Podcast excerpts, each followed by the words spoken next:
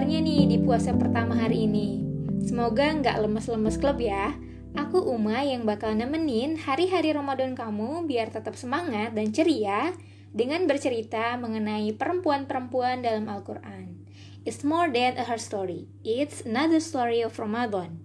Nah, di episode pertama ini aku akan cerita mengenai satu perempuan yang hebat, yang luar biasa, yang menjadi motor atau penggerak dalam keluarganya sehingga keluarga ini sampai Allah cantumkan dalam Al-Quran yaitu di surat Al-Imran.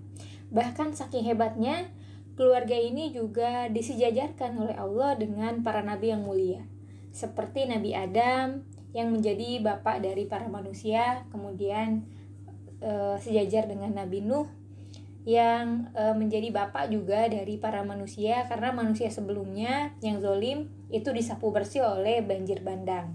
Kemudian disejajarkan juga dengan keluarga Ibrahim. Di mana kita tahu betul hebatnya keluarga ini karena keluarga Ibrahim adalah keluarga yang punya perjuangan dan pengorbanan yang besar e, sehingga kita sampai saat ini kena dengan syariat berkurban. Nah, siapa nih wanita ini, nah namanya adalah Hannah binti Fakud. Semuanya berawal dari harapannya ketika melihat uh, seekor burung yang sedang me, apa ya me, me, memberi makan anaknya, memberi anak memberi makan anak burung pada saat itu. Kemudian di situ dia terilham dan memiliki keinginan untuk uh, hamil dan memiliki seorang anak. Di samping itu, dia dan Imron juga berharap gitu ya, punya keturunan yang itu bisa melanjutkan perjuangan. Dikarenakan pada saat itu Palestina ada dalam situasi yang gawat darurat ya.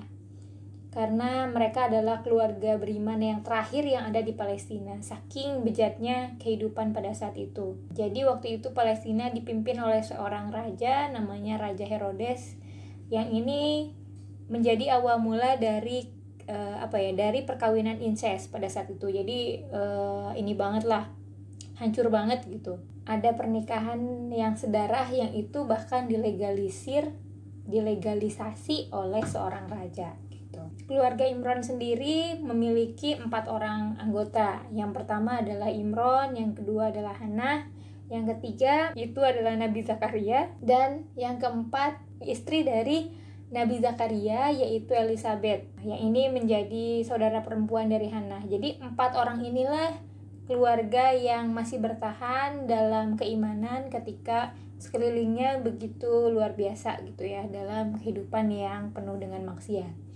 Tentunya memiliki seorang keturunan merupakan hal yang realistis pada saat itu karena tidak mungkin perjuangan itu hanya diemban oleh Nabi Nabi Zakaria dan Imron saja mereka udah semakin tua dan perlu anak perlu keturunan yang akan menjadi estafet dari perjuangan gitu. Sementara pada saat itu Nabi Zakaria pun belum memiliki anak gitu. Jadi mereka sudah sama-sama tua tapi sama-sama belum dikaruniai keturunan.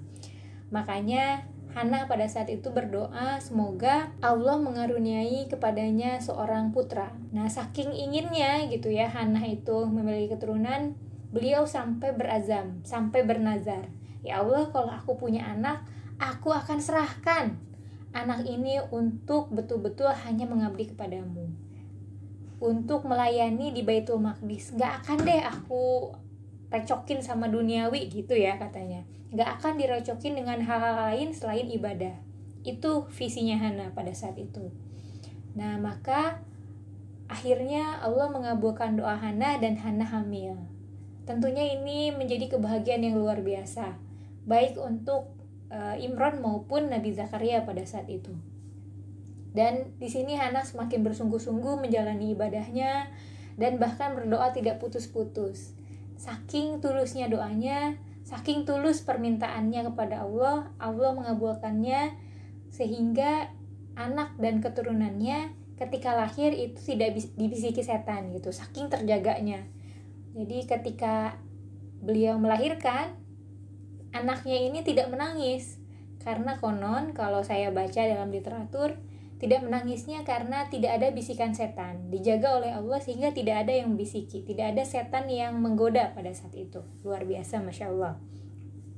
Nah ketika lahir Hana kaget Hana terkejut karena ternyata apa yang diharapkannya berbeda dengan kenyataannya ketika lahir dilihat tuh anaknya seorang perempuan di mana ya tentu saja yang namanya perempuan berbeda dibandingkan laki-laki dan Hana punya harapan besar mengenai Palestina, mengenai pembebasan Palestina, mengenai Baitul Maqdis, mengenai perjuangan.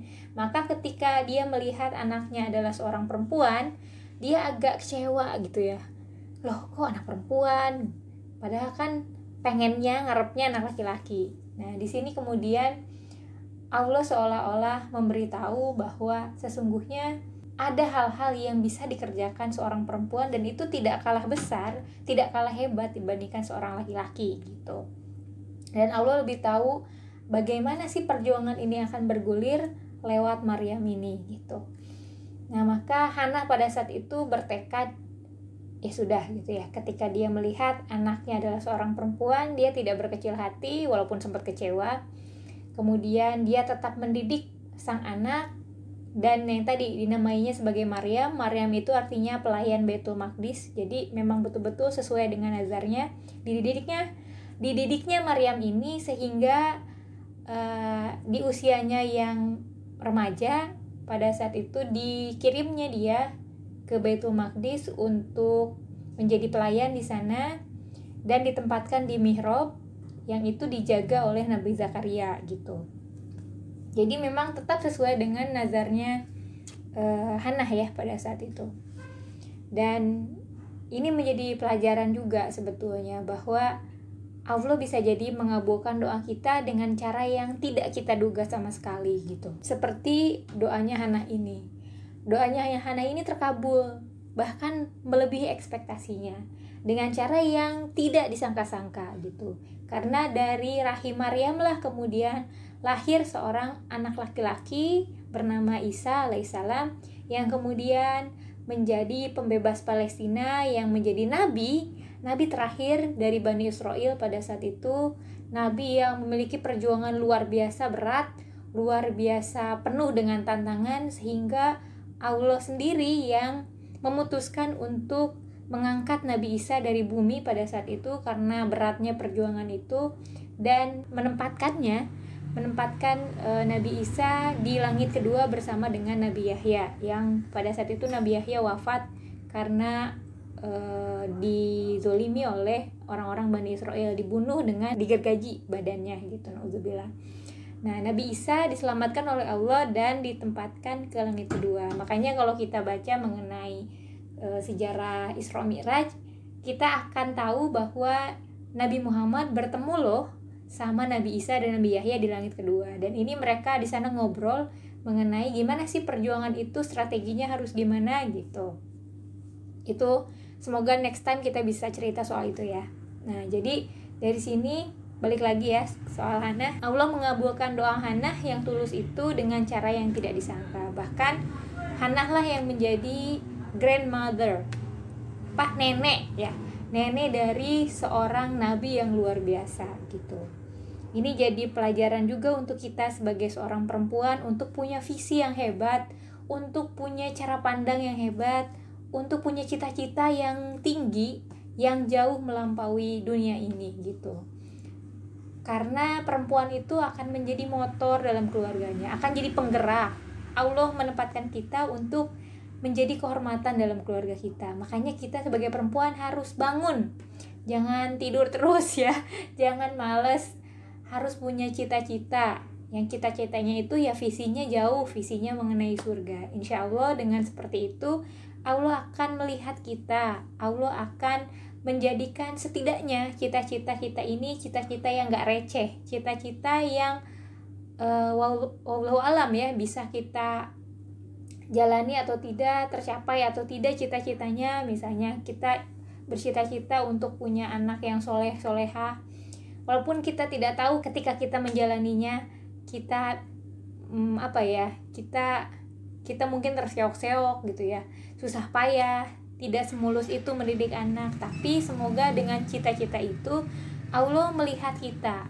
Dengan cita-cita yang mulia itu, setidaknya Allah tahu bahwa kita punya niat yang terbaik untuk berjuang di jalannya seperti itu. Semoga dengan cerita ini teman-teman sahabat Teuma bisa semakin semangat ya dalam menjalani ibadah puasanya dan mau meningkatkan amal soleh, mau sama-sama belajar dan semoga jadi lebih penasaran mengenai perempuan-perempuan yang lain ya, perempuan yang ada dalam Al-Quran. Insya Allah jadi satu ibro, satu pelajaran buat kita. Nah itu dari aku cerita mengenai Hannah binti Fakut. Tentunya ini nggak lengkap, tapi semoga mewakili teman-teman sehingga bisa tetap semangat, tetap punya giroh gitu ya dalam menjalani ibadahnya. Amin. Oke, kita akan ketemu lagi di episode kedua. Sampai jumpa. Dadah. Assalamualaikum warahmatullahi wabarakatuh.